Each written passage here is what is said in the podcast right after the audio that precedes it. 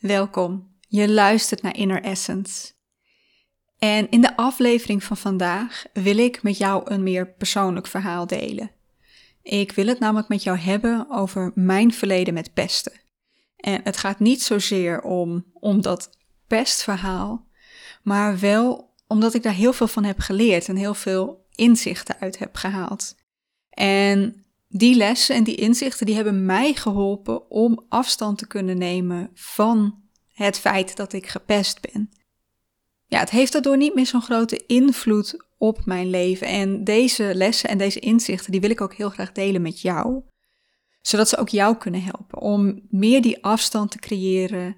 Om ervoor te zorgen dat het niet meer zo'n grote rol speelt in jouw leven. Tenminste, hè, dat is voor jou als jij net als ik gepest bent.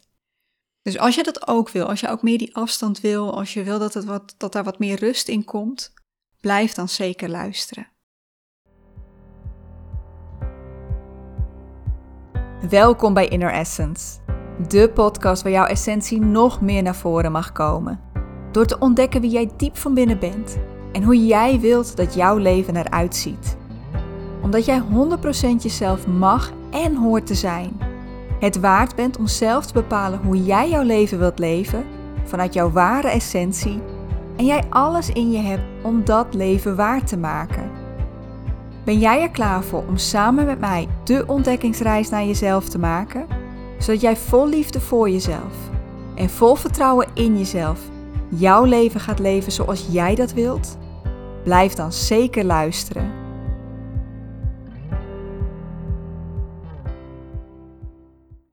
Hey, welkom.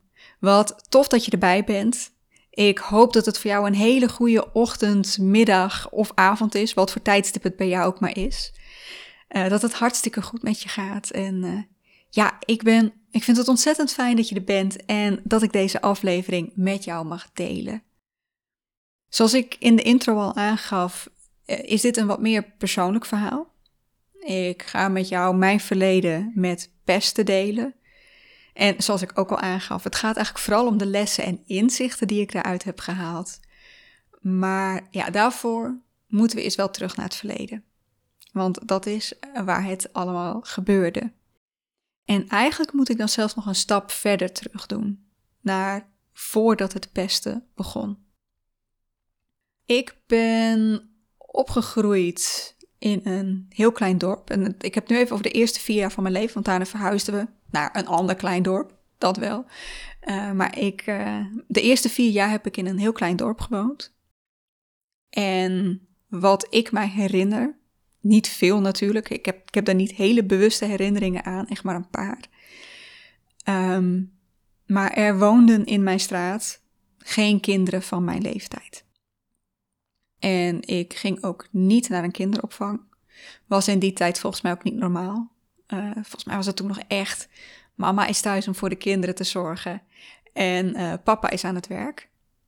Ik had ook geen broertjes en zusjes. Uh, mijn broertje kwam pas toen ik drie was.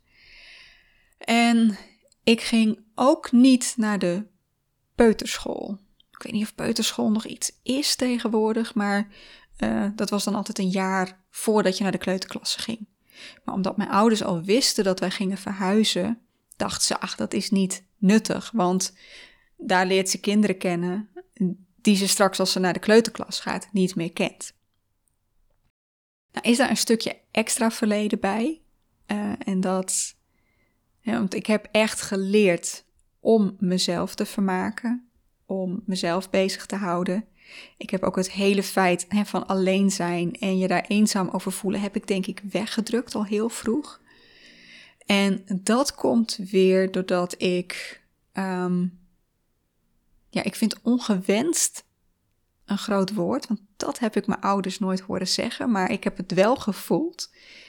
Maar ik was in ieder geval een ongepland kind.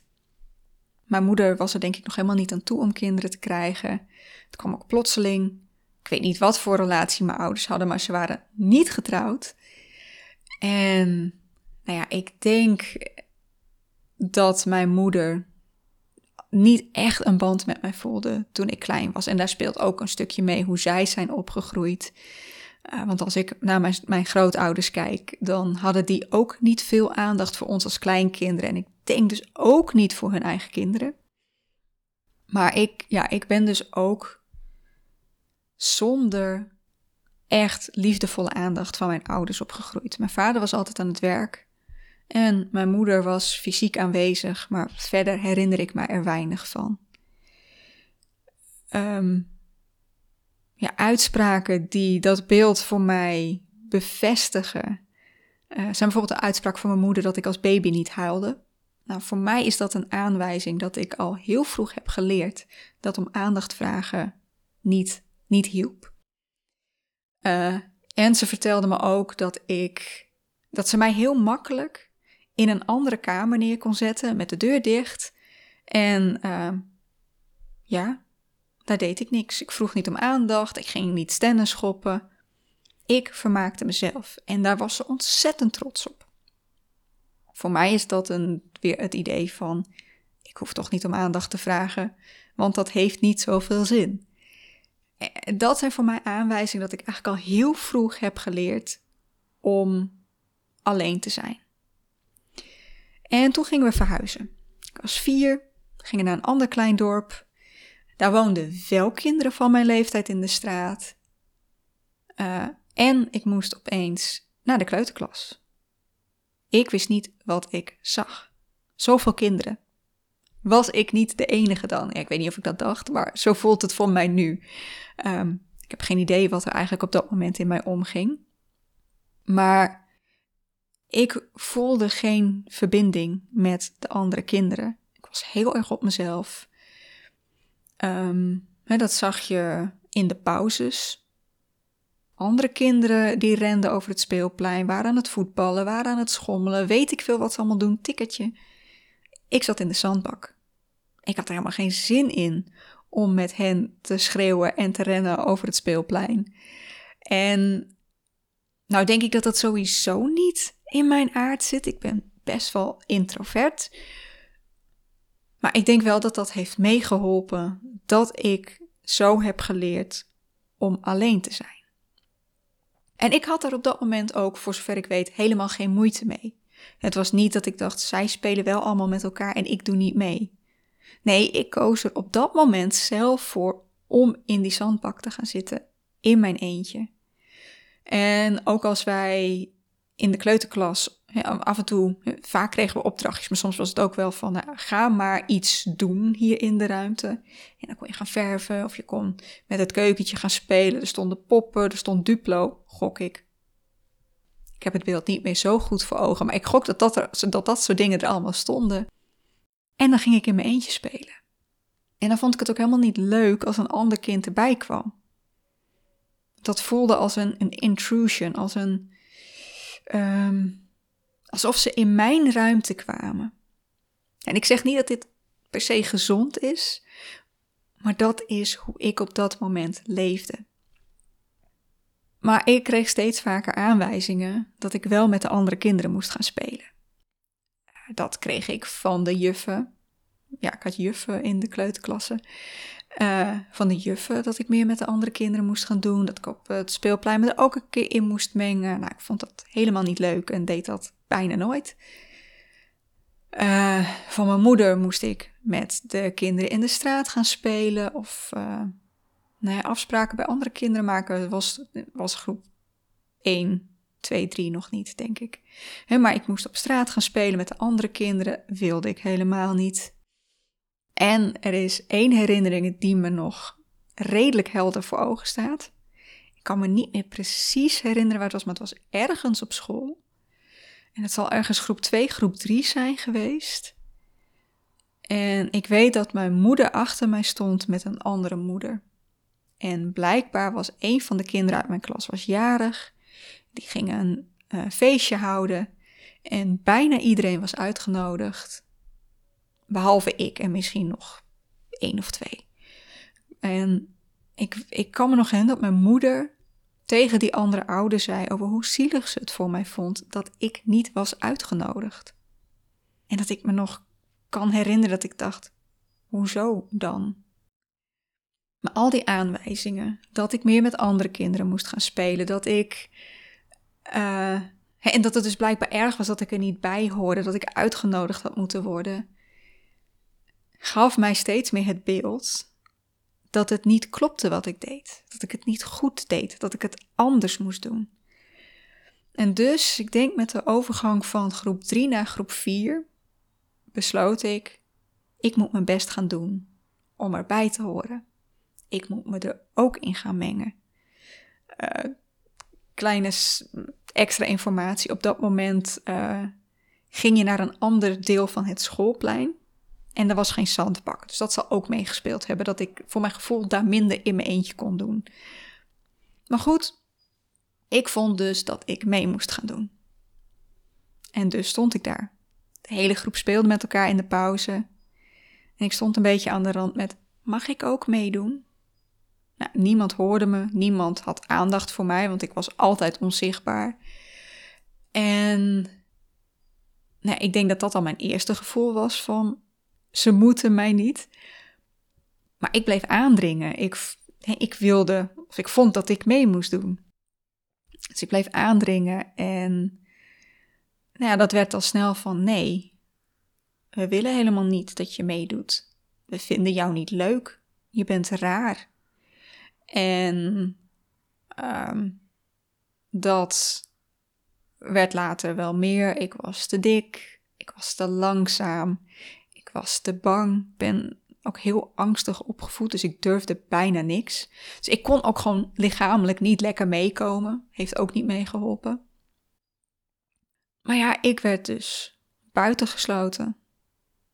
Ik was nog steeds onzichtbaar, maar nu werd ik actief genegeerd. En ik voelde me ook echt buitengesloten. Ik, ik kreeg daarmee echt het gevoel dat ik minder waard was dan zij. En dat ik niet goed genoeg was. Dus mijn eigen waarde die kelderde naar een nulpunt. En nou, dit is een beetje hoe mijn hele basisschoolperiode eruit heeft gezien. Ik mocht niet meedoen.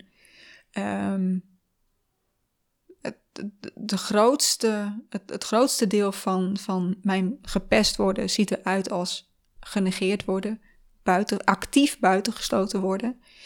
Ehm, maar daarbij heeft ook wel gezeten uitgescholden worden. En dan vaak in die trant van dat ik raar was, dat ik dik was. Uh, ik was ook een van de zwaarste van de klas, dat wel. Maar er was ook een ander meisje wat ook te zwaar was. En zij werd niet daarom gepest. Het was echt alleen ik. En um, ik werd uitgelachen. Het, uh, en deze is denk ik herkenbaar voor veel van ons. Ik vind dat ze dit echt op scholen af moeten schaffen. Helemaal het laatste of niet worden gekozen uh, bij gym. En uh, ik vind echt dat ze dat af moeten schaffen. Want daarmee zie je meteen wie er, ja, er niet bij horen, niet worden geaccepteerd. Laat dan de juf, meester zelf beslissen wie in welk team zit. En overigens, dat werd op de middelbare school wel gedaan. En dat was misschien nog niet eens zozeer een vooruitgang. Want toen heb ik heel vaak zuchten gehoord. Ah, moeten wij met haar? Ja, ik zat in jullie team. Uh, maar goed, in ieder geval, weet je, het was echt die dingen. Uitgescholden worden, uitgelachen worden, buitengesloten worden. Het was niet vaak lichamelijk. Uh, ik kan me herinneren dat ik af en toe aan mijn haar werd getrokken. Dat er af en toe onder de schoolbankjes door tegen mijn benen werd getrapt. Of dat er even tegen het schoolbankje werd geduwd, zodat hij in, in mijn maag terecht kwam. Maar dat was heel weinig. Was echt actief buitensluiten. Niet mee mogen doen. Ook na schooltijd niet met de andere kinderen mogen spelen. Nooit uitgenodigd worden. Um, ook, want ik moest natuurlijk ook mijn verjaardag vieren van mijn ouders. En dan nodigde ik ook mensen uit, waaronder ook de pestkoppen. Ja, want dat waren de populaire mensen in de klas. En hè, dat ik echt van die pestcadeautjes kreeg. Dat kan ik me nog heel goed herinneren. Ik kan me één, ik denk dat, dat het de verjaardag van groep 8 was. Dat ik echt op mijn verjaardag nou, want het, ik ben in de zomerjarig, dus het, was buiten. Dat ik naar de woonkamer ben gegaan en terwijl iedereen buiten aan het spelen was, zat ik daar te huilen. Dus ja, dat is hoe in ieder geval mijn basisschoolperiode eruit zag. En uh, nou, dit werd in eerste instantie op de middelbare school niet beter. Uh, want ik was nog steeds dat angstige, stille kindje. Um, en ik had in mijn klas best wel een aantal jongens die, die zich sterk wilden voelen. Dus die het echt wel op mij hadden voorzien. En ik heb nog een hele tijd ook met de kinderen ge, uh, ja, meegefietst die mij ook pesten op de basisschool. Ik heb dat denk ik nog een jaar volgehouden. Toen zei ik, nou ik ga wel in mijn eentje. En er kwam weer dat stuk in mezelf op van, nou ja, dan... Ik, ik vermaak me in mijn eentje ook wel. Maar echt dat, uh, dat we met z'n zessen naar school fietsten. 12 kilometer lang, dus ook niet niks, zeg maar. En dat er drie naast elkaar fietsten, twee naast elkaar en ik in mijn eentje. Dus ja, dat is hoe ik denk tot ongeveer de derde, vierde klas van de middelbare school eruit heeft gezien. Uh, daarna kreeg ik wel een aantal vrienden. Uh, ik zat ook niet meer bij de mensen van mijn, uh, middel, van mijn basisschool in de klas. sowieso, ik was van school gewisseld, want ik ging eerst naar een MAVO-HAVO. En daar was geen ateneum. Dus toen ik van de brugklas door kon naar het ateneum, moest ik naar een andere school. En dat heeft voor mij heel veel geholpen. Toen kwam ik in een klas terecht waar ik wel werd geaccepteerd. En waar ik er wel bij hoorde. Dus tot, tot dan heeft het ongeveer geduurd. Ja, wat zijn de gevolgen van dat gepest worden? Nou, ik heb daardoor, of wat ik eigenlijk, ten eerste wat ik net eigenlijk al zei, mijn eigen waarde kelderde naar een nulpunt. Ik had echt een minderwaardigheidscomplex. Ik dacht echt dat ik ten opzichte van de anderen niet goed genoeg was. Dat er allerlei dingen mis aan mij waren, dat ik daarom niet werd geaccepteerd. Uh, ik hield niet van mezelf. En ja, dat heb ik nog heel lang, heel lang met mij meegedragen. En natuurlijk ook heel veel overtuigingen. Want alles wat zij tegen mij zeiden, en dat herken je misschien ook als je gepest bent, je gaat geloven wat ze tegen je zeggen. Want ja, je hoort het zo vaak en er zijn er zoveel die het zeggen. Het zal wel waar zijn.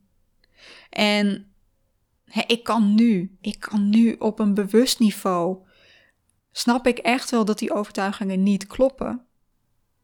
Maar ze zitten er nog wel. Die zitten zo diep ja, in mijn brein ingegroefd dat die niet zomaar weg zijn.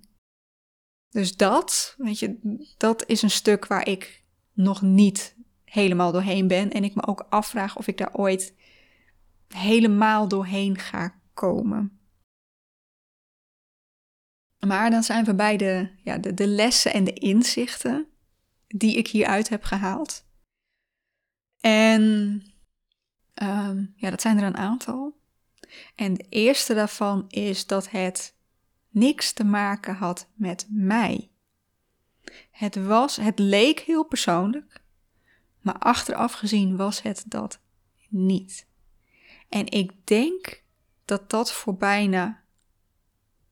Ik denk eigenlijk dat dat voor allemaal geldt. Weet je, of nou ja, 99% van ons.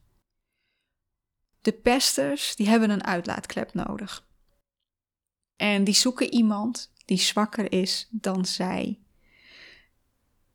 En ja, ik was niet de sterkste. Ik was onzichtbaar. Ik had geen groep vrienden achter me die het voor me op gingen nemen.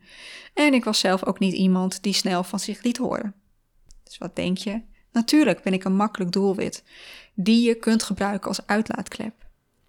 Maar ik geloof ondertussen wel dat stel dat er iemand was die nog teruggetrokkener was geweest dan ik, die nog stiller was geweest, dan was die het bokje geweest. Of dan was die ook het bokje geweest.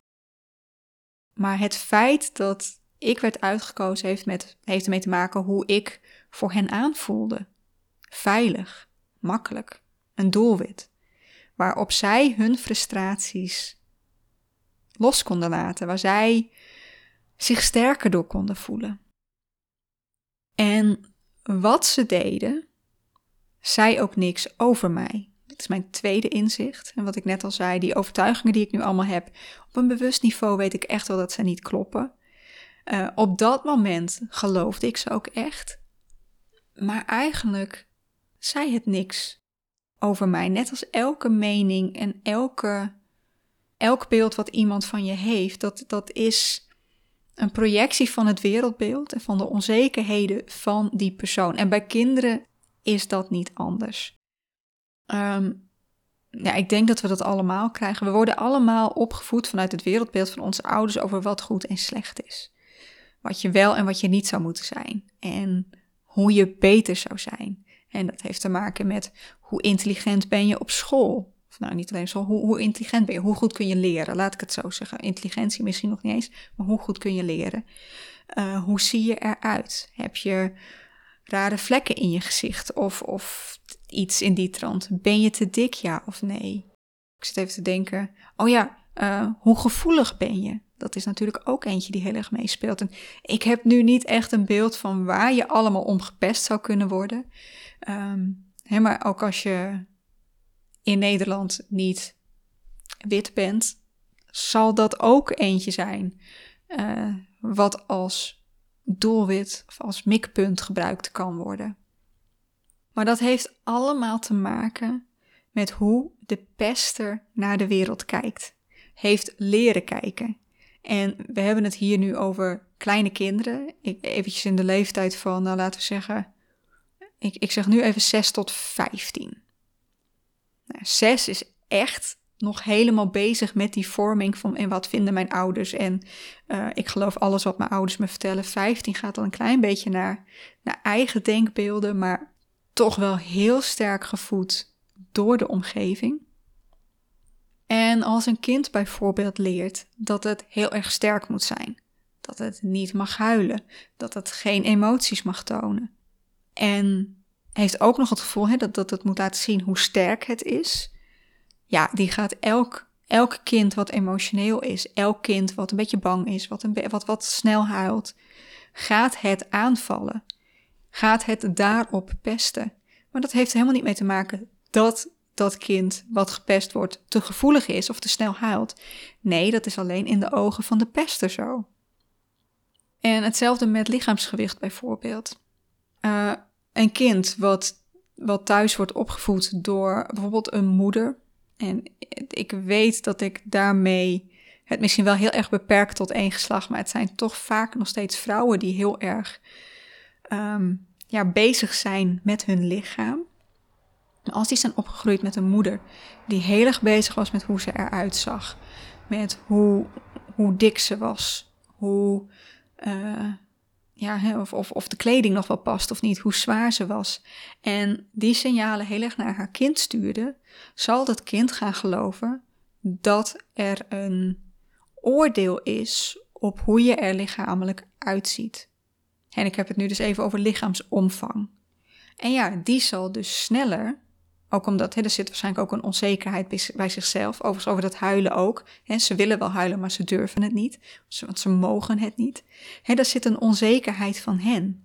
Ze zijn heel erg uh, gefocust, heel erg een, een, een soort van tunnelvisie op, op hoe je emotioneel bent of hoe je er lichamelijk uitziet. En dus zullen ze die eruit pakken om een ander op te pesten. Daarbij hebben ze vaak dat, dat beeld van hè, dat ze sterk moeten zijn. Dat ze zich moeten laten zien hoe sterk ze zijn, hoe dominant ze zijn. Ze, het gevoel dat ze de alfa moeten zijn. En ja, als die twee gecombineerd worden, dus ze zien in iemand dingen waar ze zelf onzeker over zijn of die niet in hun wereldbeeld passen, Plus nog eens, ik moet van me afbijten. Ik moet laten zien dat ik de sterkste ben. Ja, dan heb je een, een, een, pester in de making, zeg maar. Die een zwakkere uit gaat zoeken om aan te vallen. Om te gebruiken, om zelf te laten zien hoe goed ze zijn.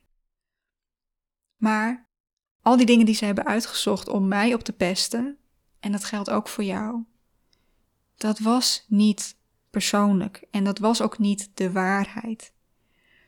Nogmaals, daarmee is die overtuiging niet weg. Dat is bij mij niet. Is het bij jou waarschijnlijk ook niet. Maar ja, je kunt je wel beginnen met, met dat te realiseren.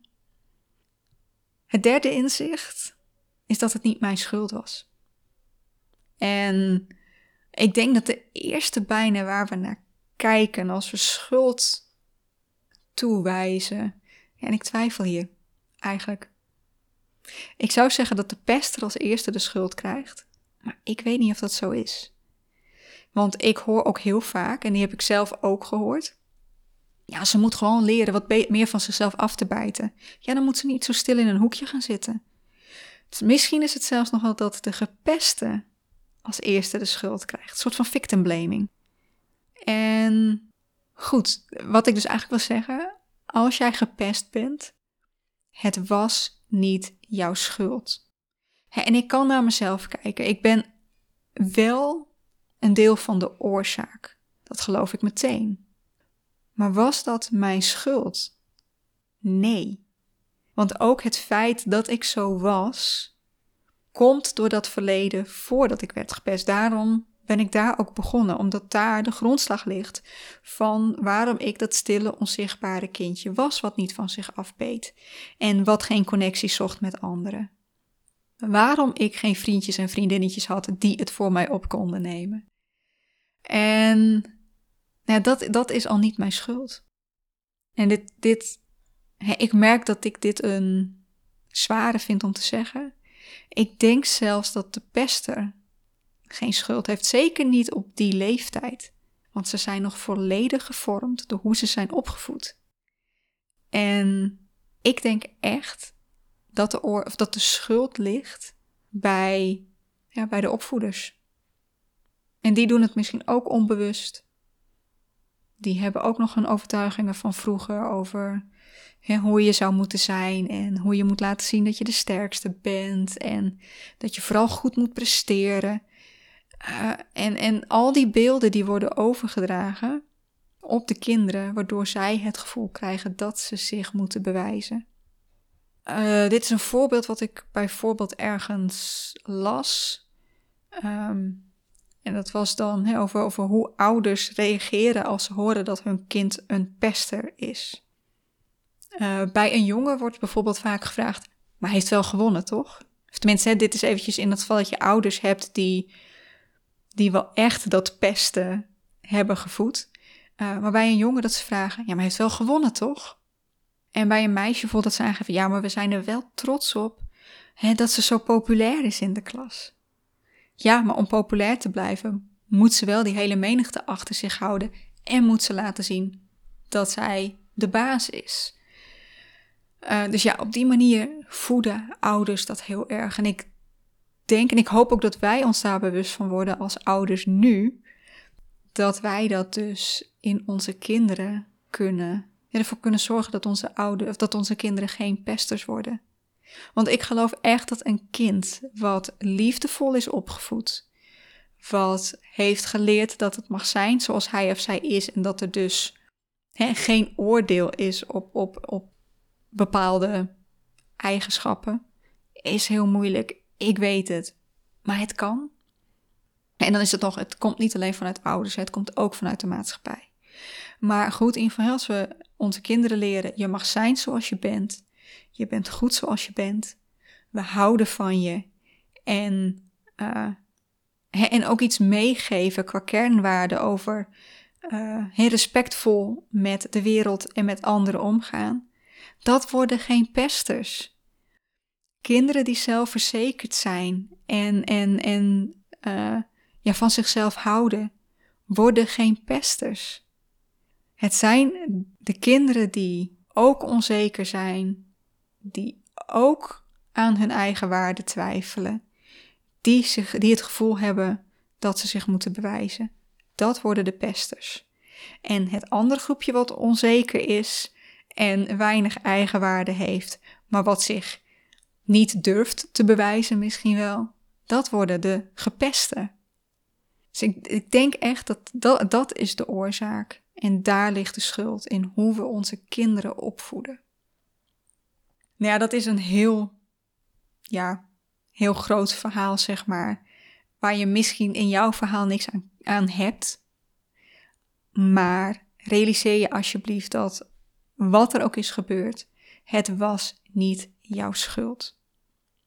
En daarmee ook het vierde inzicht. En deze heeft echt wel heel veel met mij gedaan. En ik weet niet of dit voor alle pesters geldt.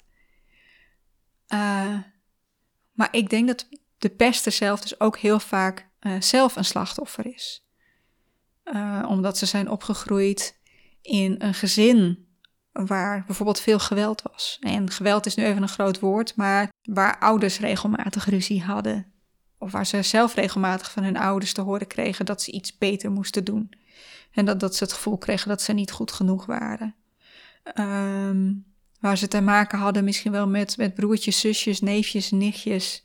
Die dominant waren thuis. Waardoor ze het gevoel kregen dat ze zich daarbuiten eh, op het schoolplein moesten laten zien dat ze daar dominant waren. Of die gewoon überhaupt het slechte voorbeeld kregen van, van familie die, die zelf ook ja, nou, vrij pestend waren naar de buitenwereld. Of gewelddadig. En dat ze leerden, dit is hoe het hoort. Ik heb in ieder geval, en dit is echt iets wat pas de afgelopen jaren is gekomen, is dat ik echt ben gaan zien dat inderdaad de kinderen die mij pesten, het thuis ook het zwaarst hadden. Wist ik niet op dat moment, natuurlijk niet. Ja, ik, ik, ik ga niet op die verhalen in hier natuurlijk, want dat is heel persoonlijk. Maar ik, ik weet van, van hen dat zij het ook niet makkelijk hadden. Dat het geen makkelijk thuis was.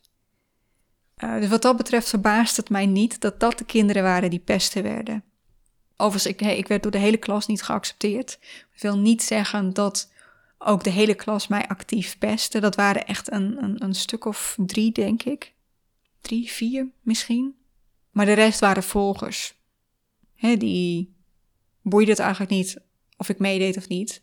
Maar ze zouden er niet tegen ingaan als de, de dominante kinderen uit de klas zeiden: Jij mag niet meedoen. En, dus en dat zie je heel vaak, hè, dat er een paar pesters zijn en dat de rest of hen volgt en meedoet, of afzijdig blijft. Dus ja, dat waren mijn inzichten. Het had niks te maken met mij. Ik was puur een doelwit voor hun uitlaatklep. Het ging ook niet over mij. Het was hun wereldbeeld wat zij op mij projecteerden. En het was niet mijn schuld. Oh ja, en dus dat de pester zelf ook het vaak lastig heeft en zelf eigenlijk ook een slachtoffer is. En dat de oorzaak daarboven ligt, bij de generaties daarvoor. Die ook weer gevoed zijn uit de generaties daarvoor. Weet je, dat gaat heel lang terug. Maar als we ergens een verandering willen maken, dan is dat door ons als de volwassen maatschappij. Ik wil zeggen door ons als ouders, maar ik ben geen ouder, dus ik, vind, ik mag me daar niet onderschaden. Maar het zijn niet de kinderen die het moeten veranderen. Het zijn de volwassenen die het moeten veranderen.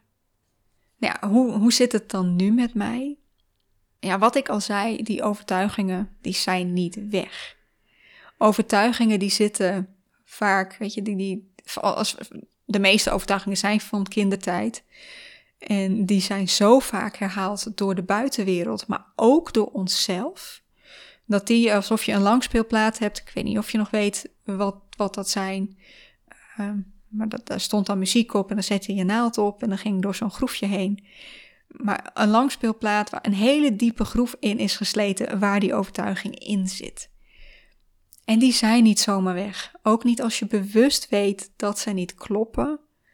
Ze zijn een automatisme geworden voor jouw brein om steeds weer in terecht te komen. Dus die overtuigingen zijn niet weg.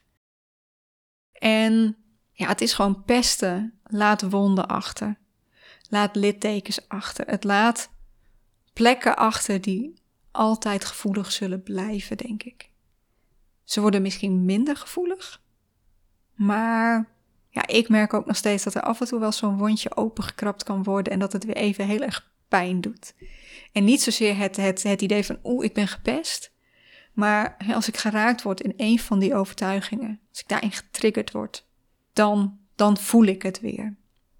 Maar het pesten zelf houdt me niet meer bezig. Ik voel me daarin niet langer het slachtoffer. Ik heb me daar heel lang een slachtoffer in gevoeld. En soms komt het nog wel een klein beetje terug. En dat heeft te maken ook met opvoeding en, en dus met gepest zijn of niet. Dat ik denk, hoe anders zou mijn leven zijn geweest als dat allemaal niet was gebeurd? dan, komt dat, die slachtoffermentaliteit er toch wel weer een klein beetje in. Maar over het algemeen, ik voel me geen slachtoffer meer. Er is rust, er is vrede, het is gebeurd, het zal altijd een deel van mij zijn. Maar ik ben er niet meer dagelijks, wekelijks, maandelijks mee bezig. En nog eentje is dat ik geen haatgevoelens, geen wrok meer voel richting mijn pesters.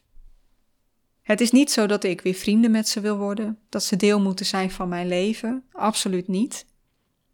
Ik was laatst uit eten met mijn ouders en dat was dus uh, vlak bij mijn, uh, het, dorp waar ik ben opgegroeid. En daar was mijn grootste pester, was daar toevallig ook. Ik had haar eerlijk gezegd niet eens herkend. Maar mijn moeder zei van, oh, weet je, die en die is hier ook. Kijk, ik ben niet naar haar toe gelopen om even een gesprekje aan te gaan met, hey, hoe gaat het met je? En uh, nee, daar had ik totaal geen behoefte aan. Maar het was ook niet dat ik daar met haatgevoelens zat. Weet je, er is gewoon, er is niks meer tussen ons. En daarmee heb ik, ja, daarmee heb ik het voor mijn gevoel echt ook los kunnen laten. Doordat, ja, het is er en het is er toch ook niet. Ik weet niet zo goed hoe ik het moet omschrijven. Maar ik voel geen haatgevoelens meer richting mijn pesters. Ik heb heel lang een soort van wraak willen nemen. Ik heb heel lang gedacht, ja, jullie moeten dezelfde pijn voelen die ik ook heb gevoeld. Maar door die realisatie dat zij mij hebben gepest omdat zij het op dat moment ook niet makkelijk hadden, weet ik dat zij eigenlijk die, uh, die pijn of een vergelijkbare pijn ook al hebben gevoeld. En ja, ik heb het op die manier vrede mee kunnen sluiten. De overtuigingen zijn er nog, de, er zullen altijd overblijfselen zijn, maar ik ben geen slachtoffer meer. Ik sta zelf weer aan het roer. Ik kan zelf met die overtuigingen aan de slag. En ja, het heeft me een soort van zelfredzaamheid teruggegeven door dit af te kunnen sluiten. En dat wens ik ook voor jou. Dat jij ook mag gaan zien wat mij allemaal is overkomen. Had eigenlijk niks te maken met mij. Het zegt niks over wat ik waard ben, want dat doet het niet. Het zegt niks over of jij goed genoeg bent of niet, want dat ben je gewoon. Je mag ook loslaten dat het jouw schuld was en dat je zelf de oorzaak was. Ja, je hebt er waarschijnlijk invloed op gehad. Maar die invloed is ook weer terug te leiden naar hoe jij bent opgegroeid. Het was niet jouw schuld dat jij dat makkelijke doelwit was. Ja, ik, dit is mijn wens voor jou. Dat jij er ook een soort van rust en vrede in kunt vinden. Dat het je niet meer zoveel bezighoudt. En dat jij ook daarmee jouw kracht terugvindt om met die overtuigingen aan de slag te gaan. Nou, dit was het verhaal wat ik met jou wilde delen. Ik hoop dat, je, dat, dat jij voor jou jouw inzichten hieruit kunt halen. En dat het jou weer wat kracht geeft om verder te kijken dan dit verleden waarin je bent gepest. En hoe onzeker jou dat heeft gemaakt. En, en hoe je daardoor geen zelfliefde hebt. Of welk effect het op jou ook heeft gehad. En dat je weer verder kunt. Daarmee ga ik afsluiten. Ga je toch weer vragen, als je dit een nuttige aflevering vond, als hier voor jou boodschappen in zitten waarvan je denkt, oh daar heb ik echt wat aan. En daar zouden ook anderen iets aan hebben.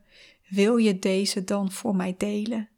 Wil je deze op je socials delen door een screenshot te maken van, van deze uh, podcast? Ja, podcast. En die op je socials te plaatsen met: hey, ik heb deze aflevering geluisterd en het heeft heel veel met mij gedaan. Of oké, ik vul nu voor alles voor je in. Is niet mijn bedoeling, uh, maar ik geef je een voorbeeld. Um, zou je het voor mij willen delen? Want daar help je deze podcast mee om te groeien. Stuur hem door naar vrienden, familie, collega's, kennissen die hier iets aan kunnen hebben. En dan ga ik afscheid van je nemen. Ik wens jou nogmaals een hele goede ochtend, middag, avond. Misschien is het ondertussen bijna nacht bij jou. Dan wens ik jou wel trusten.